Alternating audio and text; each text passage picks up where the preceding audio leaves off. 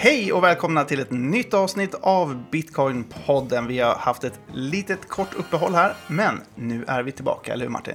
Det är vi. Och hur är läget med dig Christian? Jo, men det är bra. Hur står det till själv? Fantastiskt, som alltid. Idag så gästas vi av Per Granfalk som är tidigare kommunstyrelseordförande i Solna kommun eh, som nu börjat eh, säga, jobba för den Brysselbaserade lobbyorganisationen Blockchain for Europe. Känner du till dem? Eh, nej, men eh, vi kommer säkert få veta lite mer om det nu under avsnittet. Verkligen.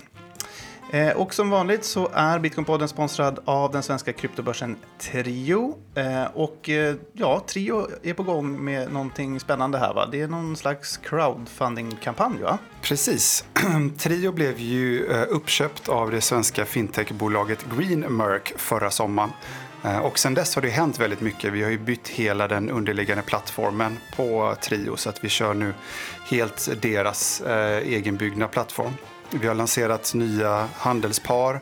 Vi har eh, tagit bort avgiften för insätt med Trusted till exempel. Och vi kommer alldeles strax även eh, lansera vår efterlängtade app. Eh, och så vi har en jättekul roadmap eh, framöver som vi kommer att lansera. Och i samband med det här nu då så har man ju möjlighet att bli aktieägare i Trio. Och det gör vi genom en crowdfunding. Och det finns lite olika sätt då om man vill investera i Trio. Om man är kund eller vill bli kund så finns det en sida där som heter crowdfunding. Och där kan man anmäla sig till hur många aktier man, eh, man vill ha då i Trio. Ehm, och då köper man dem helt enkelt med de pengarna som man har på plattformen. Okej. Okay. Eh, och om man, jag tror det är 250 aktier som är ungefär 10-11 000 kronor för att en aktie är värd 45 kronor. Eh, så får man även eh, bli guldkund hos Trio. Alltså man får vår bästa prislista om du är en aktieägare. Just det. Och då får du handla från 0,3 procent. Mm. Vilket är väldigt konkurrenskraftigt. Och det här är alltså ingen Trio Coin eller något sånt, utan det här är riktiga gamla klassiska aktier? Helt klassiska, eh, rena och fina aktier. Eh, och man kan även läsa mer på acumeo.se, Acumeo med två C, som är den eh, crowdfunding-plattformen som vi också använder. Mm. Men lättast kanske är bara att logga in på sitt Trio-konto och, och gå vidare därifrån? Absolut, det är det absolut enklaste. Mm. Trio.se är adressen dit som vanligt. Nu kör vi igång veckans avsnitt.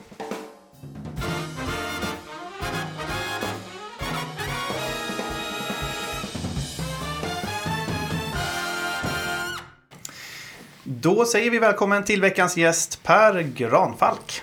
Tack så mycket. Hur är läget med dig? Det är fantastiskt bra. Eh, du var eh, moderat kommunstyrelseordförande i Solna kommun mellan 2012 och 2022. Stämmer. Berätta, vad gjorde du då? Oj, vad gjorde jag då? Jag gjorde väldigt mycket. Eh, Solna är ju till ytan den tredje minsta kommunen i, i Sverige, men en av de snabbast ex, eh, expanderande kommunerna.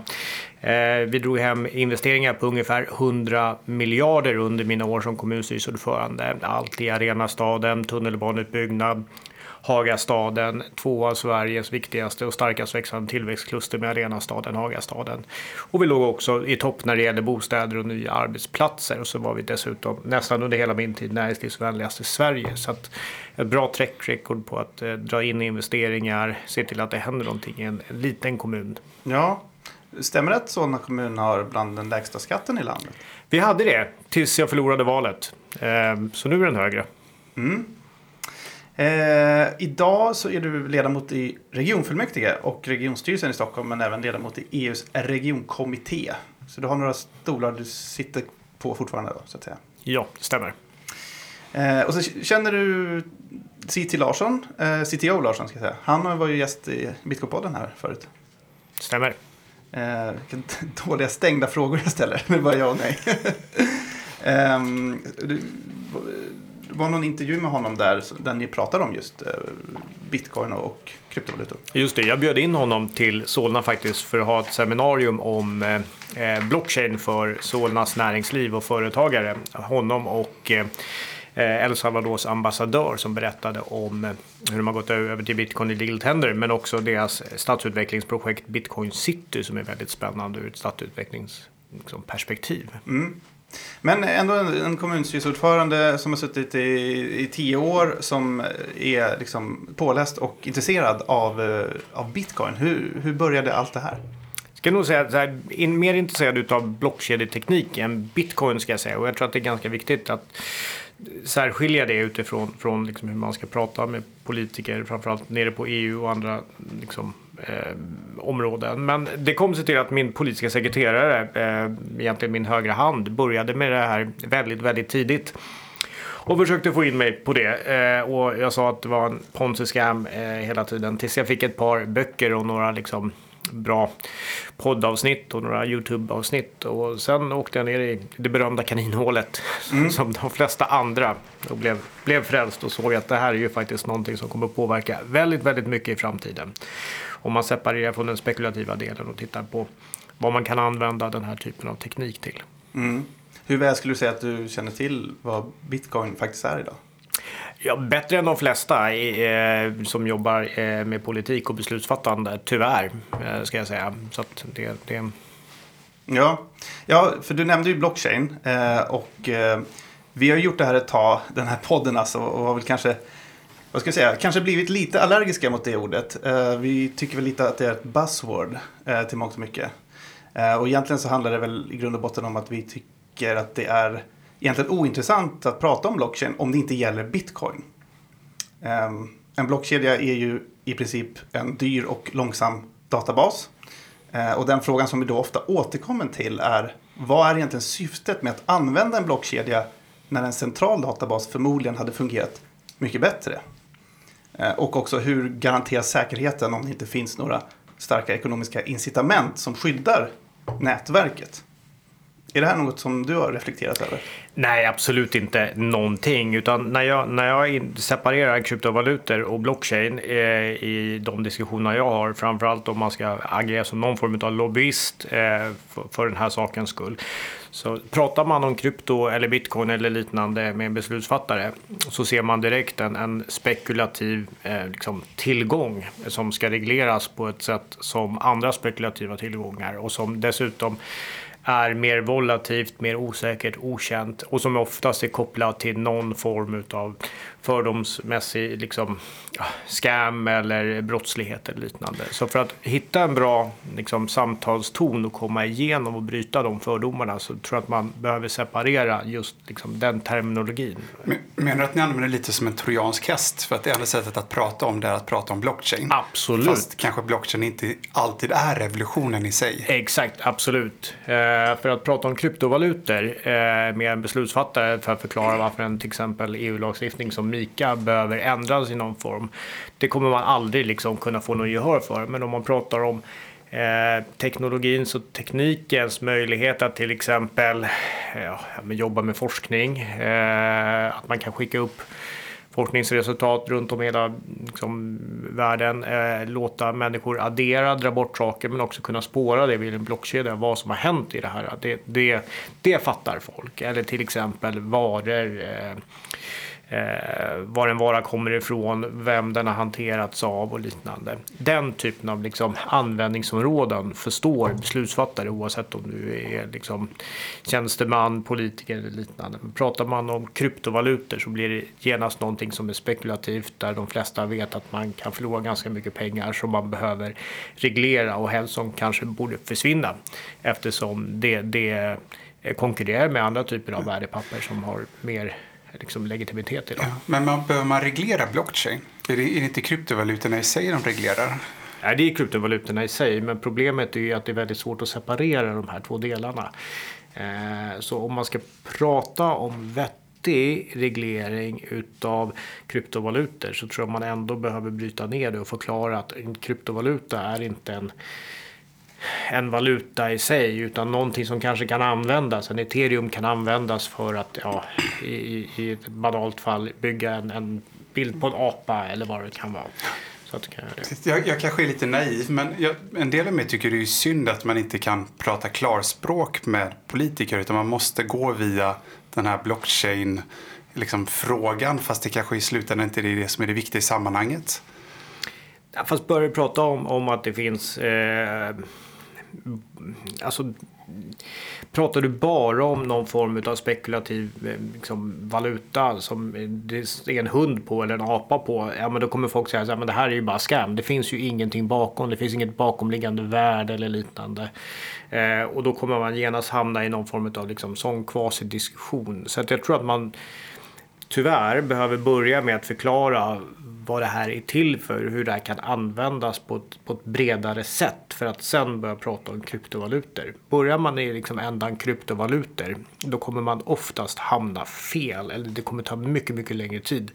Så det, terminologi är ju tyvärr viktigt, men ska man liksom hamna rätt så tror jag att det är viktigt att försöka bryta bort de fördomarna som finns när det gäller just kryptovalutor. Ja, ja men det känns ju som mycket fokus hamnar just på den spekulativa biten och det är kanske där någonstans de sparkar bakut och inte tycker det är bra. Men det finns ju andra delar av bitcoin som, är, eh, som kanske är ljusare, eller man ska säga. Eh, att man ser det som kanske ett verktyg eh, för folket. Någonting som eh, bara finns där och ingen som riktigt har eh, alltså något företag bakom som tjänar pengar på det. Utan det är liksom någonting att, att använda om man vill det. Ett alternativ kanske man kan säga eh, till, till nuvarande system. Det. Finns det något inneboende systemhotande i det som gör att de kanske inte är intresserade? Ja, det är klart att det finns. Alltså, så här, det, det är ju ingen som känner att okej, okay, vi ska skippa våra riksbanker och, och eh, euron eller svenska kronan eller liknande. Och här ska en fristående konkurrent komma fram som gör att vi tappar helt makten över peng, penna, penningpolitiken. Eh, liksom, det kommer inte heller flyga. Fast det är ju det eh, som bitcoin eh, till mångt och mycket är. Så det är ju liksom svårt att Ja, men börjar man i den ändan så kommer man alltid liksom mm. se som en konkurrent som behöver slås ner. Så ja. kommer folk alltid reagera som någonting som är hotfullt och dåligt som man behöver reglera bort. Mm. Eh, man kommer inte se det som är positivt och bra, det vill säga att man inte kan manipulera en, en, en valutakurs genom att ja, eh, jobba med fel typ av liksom, instrument politiskt eller liknande. Ja. Och just i det här geopolitiska läget där eh, dollarn kanske långsamt är på väg ut och vi har Asien och andra länder som är på gång eh, kanske bitcoin blir ännu mer intressant som en någon slags neutral eh, tillgång som inte kan styras. Möjligt att det är så, men det finns ju ingen, alltså så här, ah, ah, om du går till någon form av liksom högt uppsatt politiker på EU-nivå eller på landsnivå och säger så här din valuta suger. Eh, vi tänkte ta fram en fristående valuta som du inte har något inflytande över. Det är väl toppen bra. Då skulle de bara liksom gå därifrån och tycka att man är knäpp. Det är intressant ändå hur skillnaden ser ut. I, nu vet jag att USA är lite mer liberalt land och man, man står ju väldigt mycket för den personliga friheten och sånt där. Men där finns det ju politiker som går ut och säger så här. Bitcoin är jätteviktigt. Vi ska verkligen skydda det. Vi som politiker har ett ansvar. Men i EU tycker jag att vi, jag har inte hört någon som tar ställning på samma sätt som amerikanska politiker gör. Å andra sidan finns det ju väldigt många amerikanska politiker som tycker att det här är fruktansvärt. Allt från Hillary Clinton och annat. Så det, amerikansk politisk debatt är lite annorlunda än, än europeisk. Där har du oftast väldigt stora motpoler och polarisering. Och väldigt höga röster på olika delar. Det har man inte i Europa. Eh, väldigt mycket av EU-beslutsfattande handlar ju om konsensus snarare än konflikt och konfrontation. Hela EU bygger ju på det. Så det kanske är snarare därför man liksom låter byråkratins eh, liksom kvarnar mala tills man hittar ett, ett, tillräckligt bra eller halvtaskigt beslut för att komma överens om det. Är det för att det, i USA är det ju två partier, Demokraterna och Republikanerna, så där blir det alltid kaos. Men alltså i, USA, eller i Europa så har du så många olika partier som har olika röster. Så du måste hitta konsensus på ett annat sätt än i USA. Är det det du menar? Jag tror att det är en annan politisk kultur i USA. Eh, det finns ju några andra små partier i USA också som ibland försöker liksom ta någon form av liksom ytterkantspositioner när det gäller olika frågor och liknande. Eh, jag tror att det är mera, mer beroende på, på den, den liksom, bakomliggande politiska kulturen än hur många partier det är. Eh, du har i alla fall fått uppdraget att eh, hjälpa den Brysselbaserade europeiska bransch och lobbyorganisationen för blockkedjeteknik och kryptovalutor, Blockchain for Europe. Eh, vad är det för organisation? Ja, blockchain. Blev det där igen. Eh, det är en organisation som bildades 2018 eh, när diskussionerna om regleringar och lagstiftning började poppa upp på riktigt nere i Bryssel. Då kände flera av de bolagen som står bakom det här, vilket är är eh, rätt stora liksom, bolag inom både blockchain, krypto, eh, handelsplattformar och liknande. Att vi borde nog vara med och försöka påverka den här debatten och diskussionen och den framtida lagstiftningen. Så då bildades man och har funkat där nere som ja, to-go-to-organisationen. Det finns ju jättemycket lobbyorganisationer för allt från liksom träindustri till betongindustri till vad det nu kan vara. Men sen 2018 också blockchain och krypto. Eh, är de det... största kryptolobbyorganisationen? Är det de eller? Det är den enda jag känner till ja. nere i Bryssel i alla fall. Och den finansieras av sina medlemmar? Eller? Exakt. Mm. Som bland annat är Coinbase, Kraken, Ripple och Binance. Jo. Har jag läst mig till.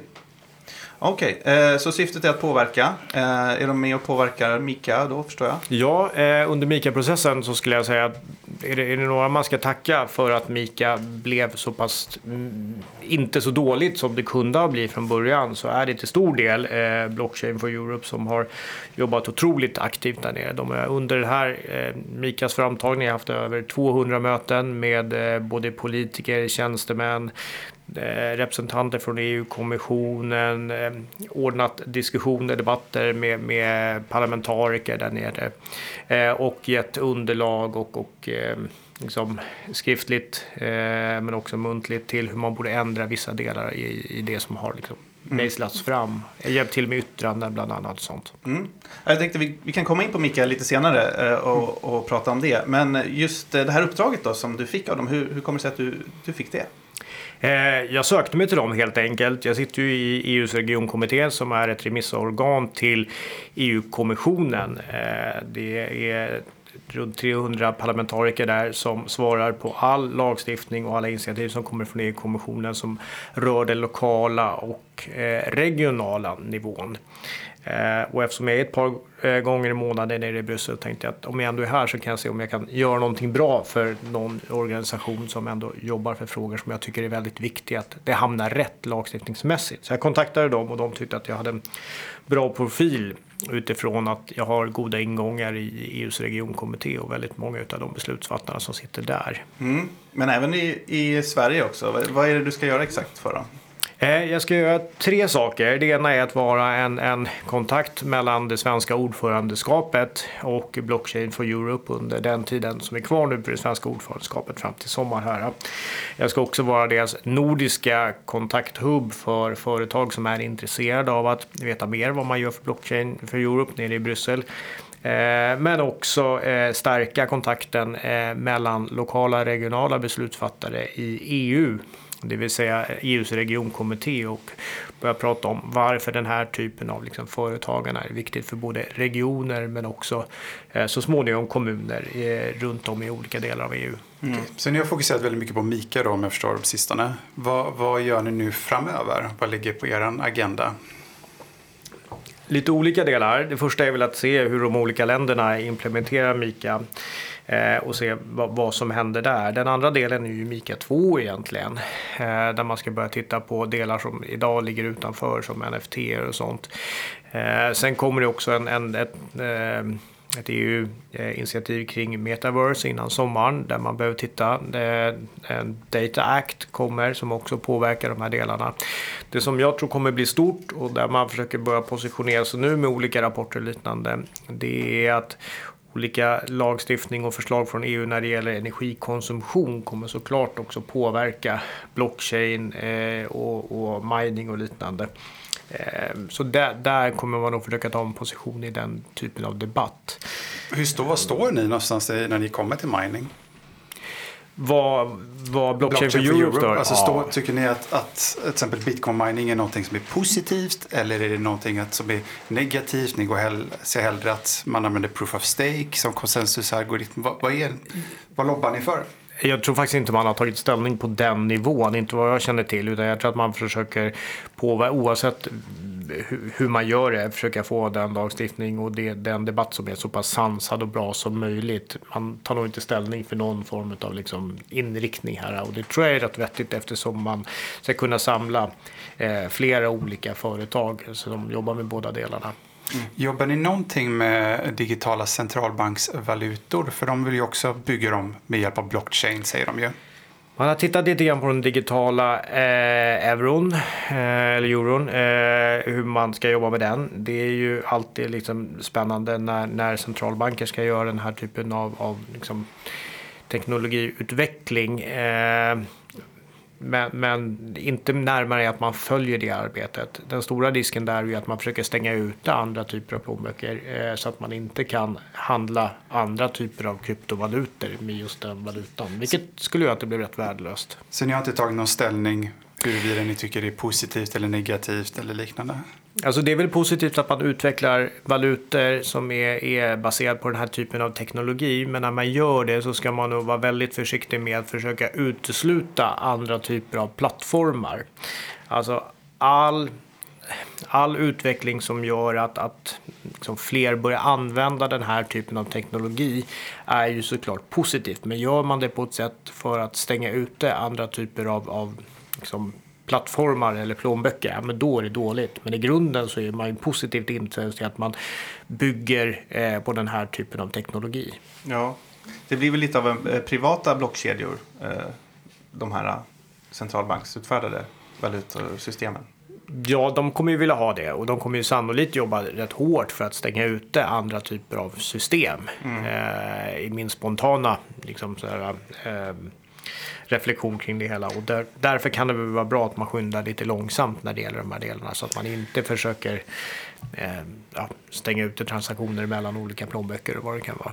Mm. Vad, vad, precis, vad, vad, menar du med att, med att det är stängt, att de kommer vilja hålla, eh, hålla det stängt? Är det att när vi väl går över till de här centrala, eller digitala centralbanksvalutor, att du inte ska kunna handla på kryptobörser man, eller liknande? Eller vad, vad jag tror du? inte man vill ha ett utflöde till andra ekosystem till exempel.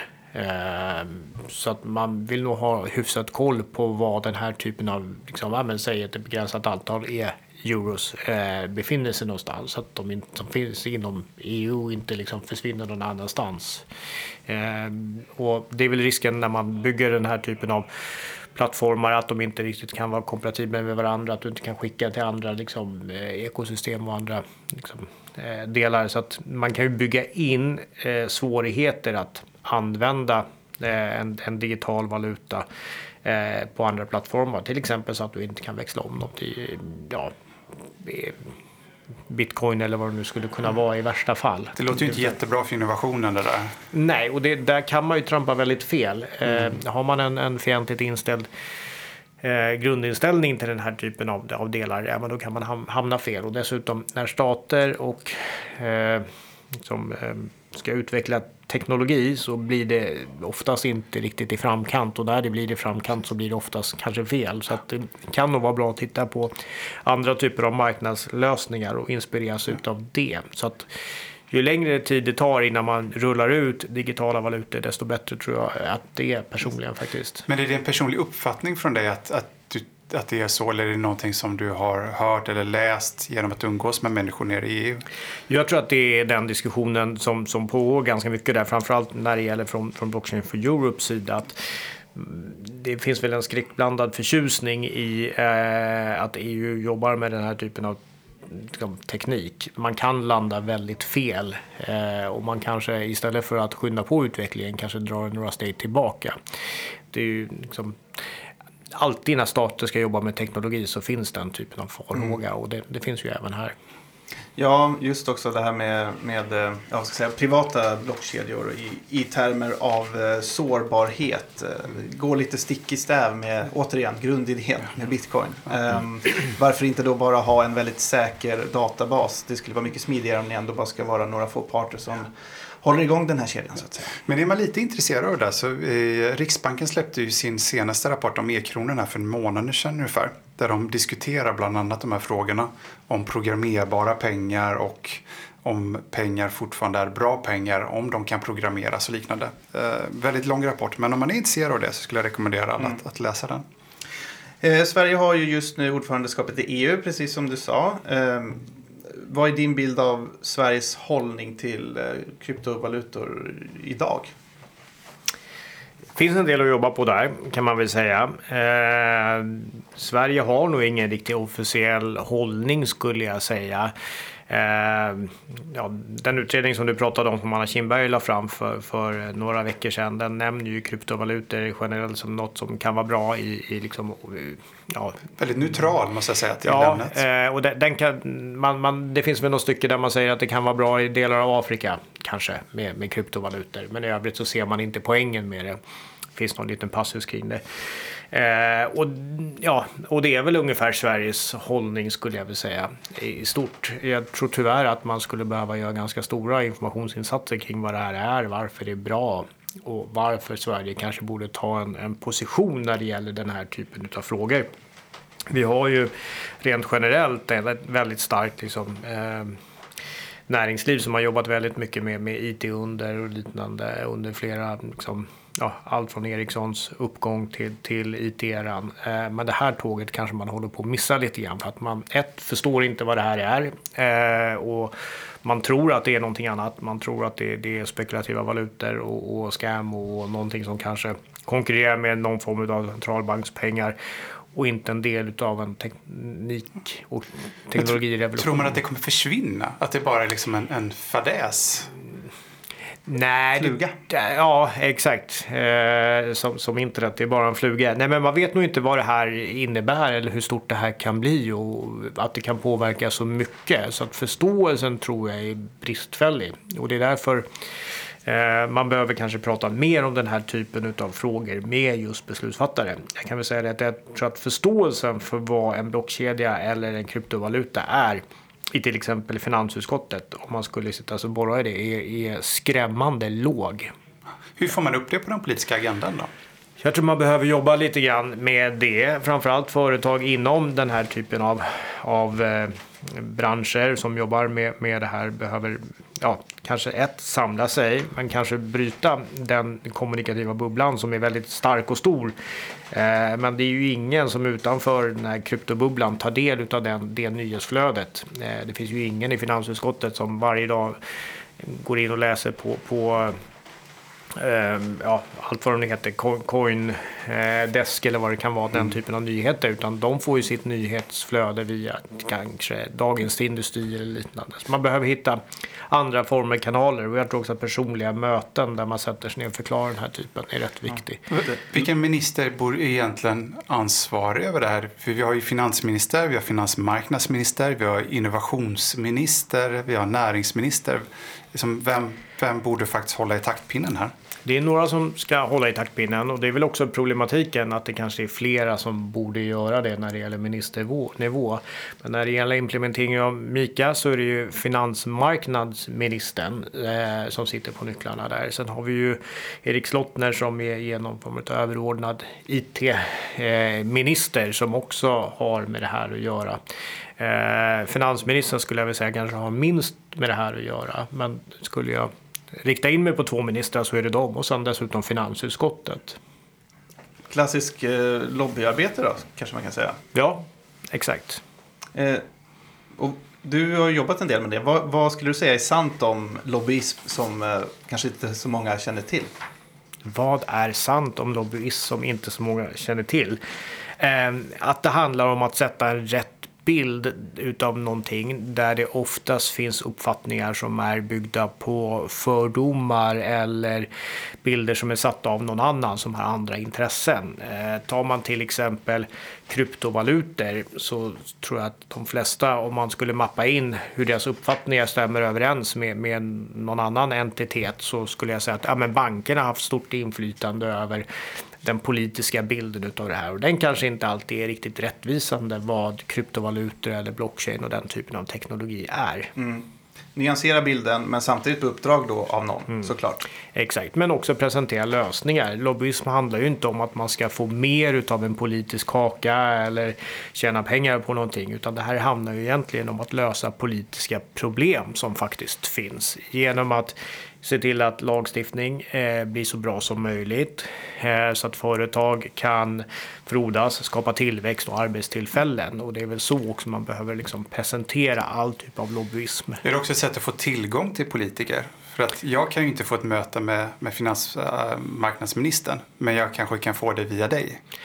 Det är det absolut. Eh, man behöver ju alltid kunna prata med olika personer på, på deras eget liksom, språk kan man väl säga. Jag skulle inte kunna prata med en utvecklare till exempel, men jag skulle kunna få access till en beslutsfattare och kunna lägga fram eh, ett budskap till dem som jag tror skulle funka och lyfta.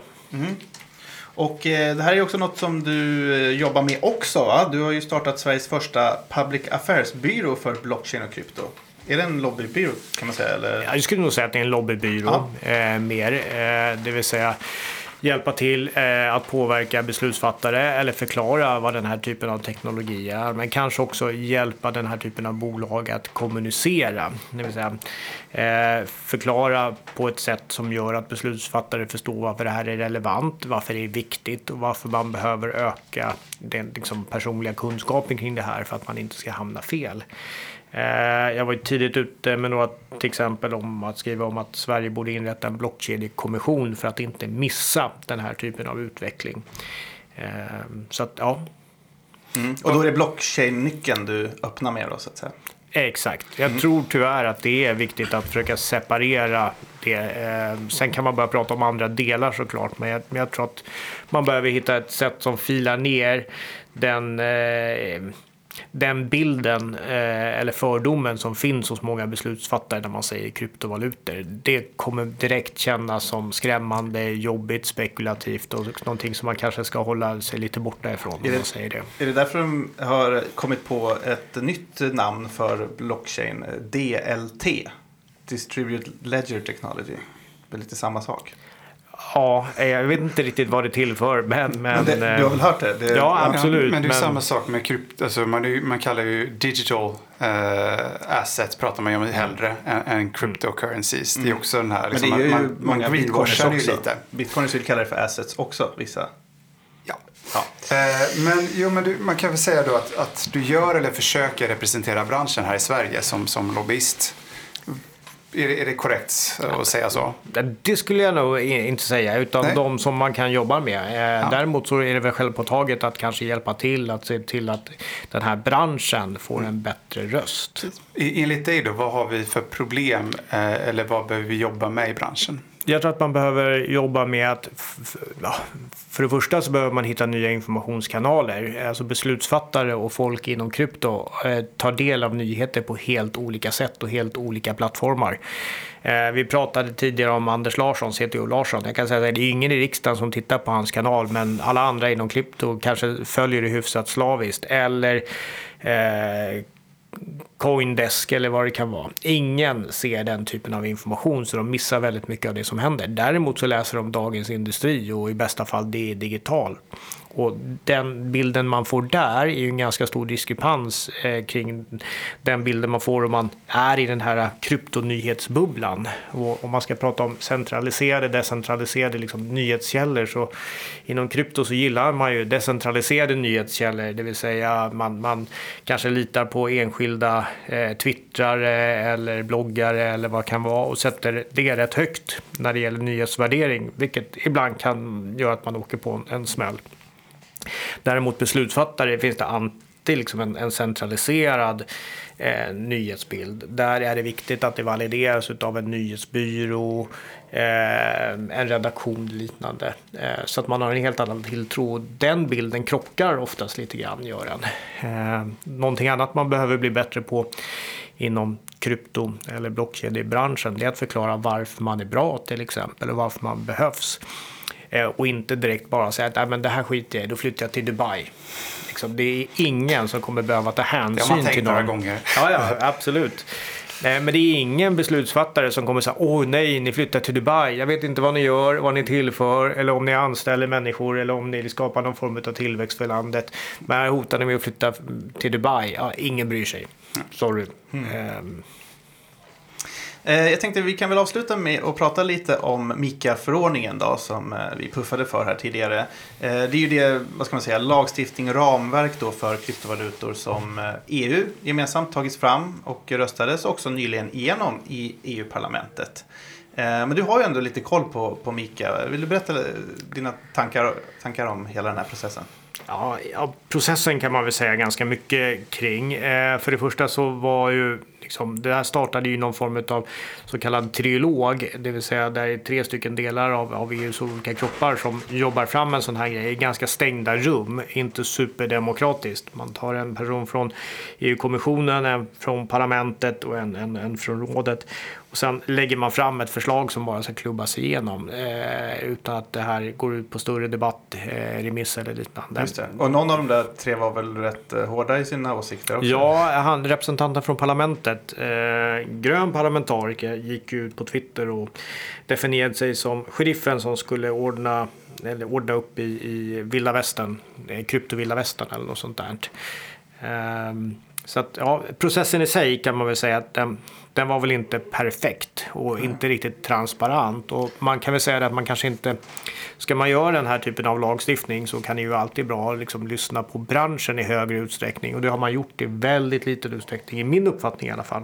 Och det har väl Blockchain for Europe gjort det man har kunnat för att väga upp ett branschperspektiv. Men när man startade så hade man ju ingen dialog med branschen överhuvudtaget. Varför tror du att man gjorde det bakom lyckta dörrar? Var det för att skynda på processen? För att det var under 2021 då, det var ju så otroligt mycket fokus på bitcoin och krypto och mm. priserna gick ju bara uppåt. Mm. Vad känner man att vi måste få ut någonting fort nu? För att ja, vi håller på att tappa Triloger, en, en, trilog inom EU är ju en ganska speciell process och används ganska sällan. Och den görs när man behöver ta fram någonting ganska fort. Eh, och det gör väl också att det kanske finns delar i Mika som man behöver i efterhand hantera. Eh, man börjar ju redan nu jobba med Mika 2 där man tittar på delar som inte omfattas av Mika 1, NFT till exempel, liknande som man har uteslutit. Så att jobbet med Mika kommer ju fortsätta, men också andra delar av EU-lagstiftning, förordningar och allt vad det är som kommer nu när man ska titta på metaverse, eh, dataakten som kommer,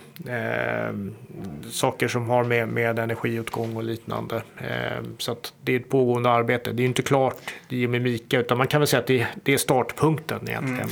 Men Mika ska ju rullas ut i varje EU-land. Varje land ska ju anta sin egen version av Mika om jag har förstått det här korrekt. Då. Måste det vara exakt likadant eller kommer det finnas någon form av regulatorisk arbitrage mellan länderna för kryptobolag eller kryptoentusiaster? Det kommer det finnas. Alltså man kan ju alltid jobba lite med politisk goldplating och dessutom när man ska göra sådana här delar så kan du ju som myndighet vara eh, olika strikt i, i, hur man tolkar delar och det är väl det som är lite farhågan här. Eh, man kan ju också gå före. Nu är det inget EU-land, mig veterligen, som har gått före att implementera Mika. Man kunde ju ha börjat om man hade velat. Nu har, har ingen gjort det. Ehm, utan de flesta tittar väl på varandra. Om man ska titta på goda exempel, de som har en ganska liksom vettig tolkning av det hela och som jag tror kommer lyckas från liksom, riksdagsbeslut ner i myndighetsutövning bäst eller har gjort en ansats att ta det, det är faktiskt Frankrike som för ovanlighetens skull eh, som ser någonting positivt i, i en teknikutveckling. Mm. Eh, Så vad exakt är det de ska implementera? Vi kanske ändå ska nämna det. Vad är de stora takeawaysen från Mika?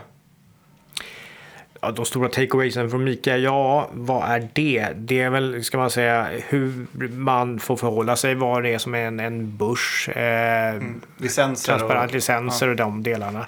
Idag så kan du ju dessutom någon viss av liksom, transparens och konsumentskydd som inte har funnits tidigare. Just det. Eh, du behöver ju liksom följa den här lagstiftningen för att få göra affärer i EU så småningom. Men har du fått det godkänt så får du göra mm. det i hela EU, vilket är för liksom, mm. en bra del. Och det här kommer liksom rinna ner och landa på olika myndigheter då helt enkelt runt om i EU? Ja, det kommer ju påverka, ja, men i Sverige som allt från, från eh, Finansinspektionen till Skattemyndigheten och liknande. Um...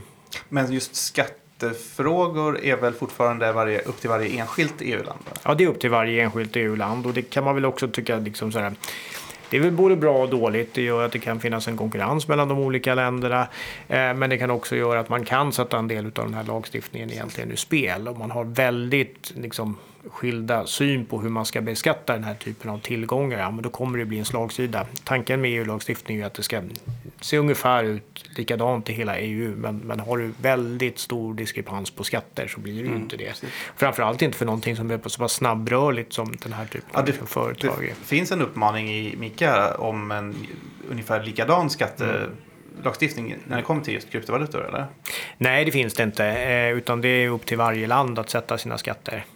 Och hur man hanterar det här. Portugal har ju varit ett exempel som har varit väldigt liberala i början. Men nu börjar skruva åt mer och mer. Eh, Och Tyskland också har väl också varit lite, eh, haft lite lättare skatteregler som jag förstått det.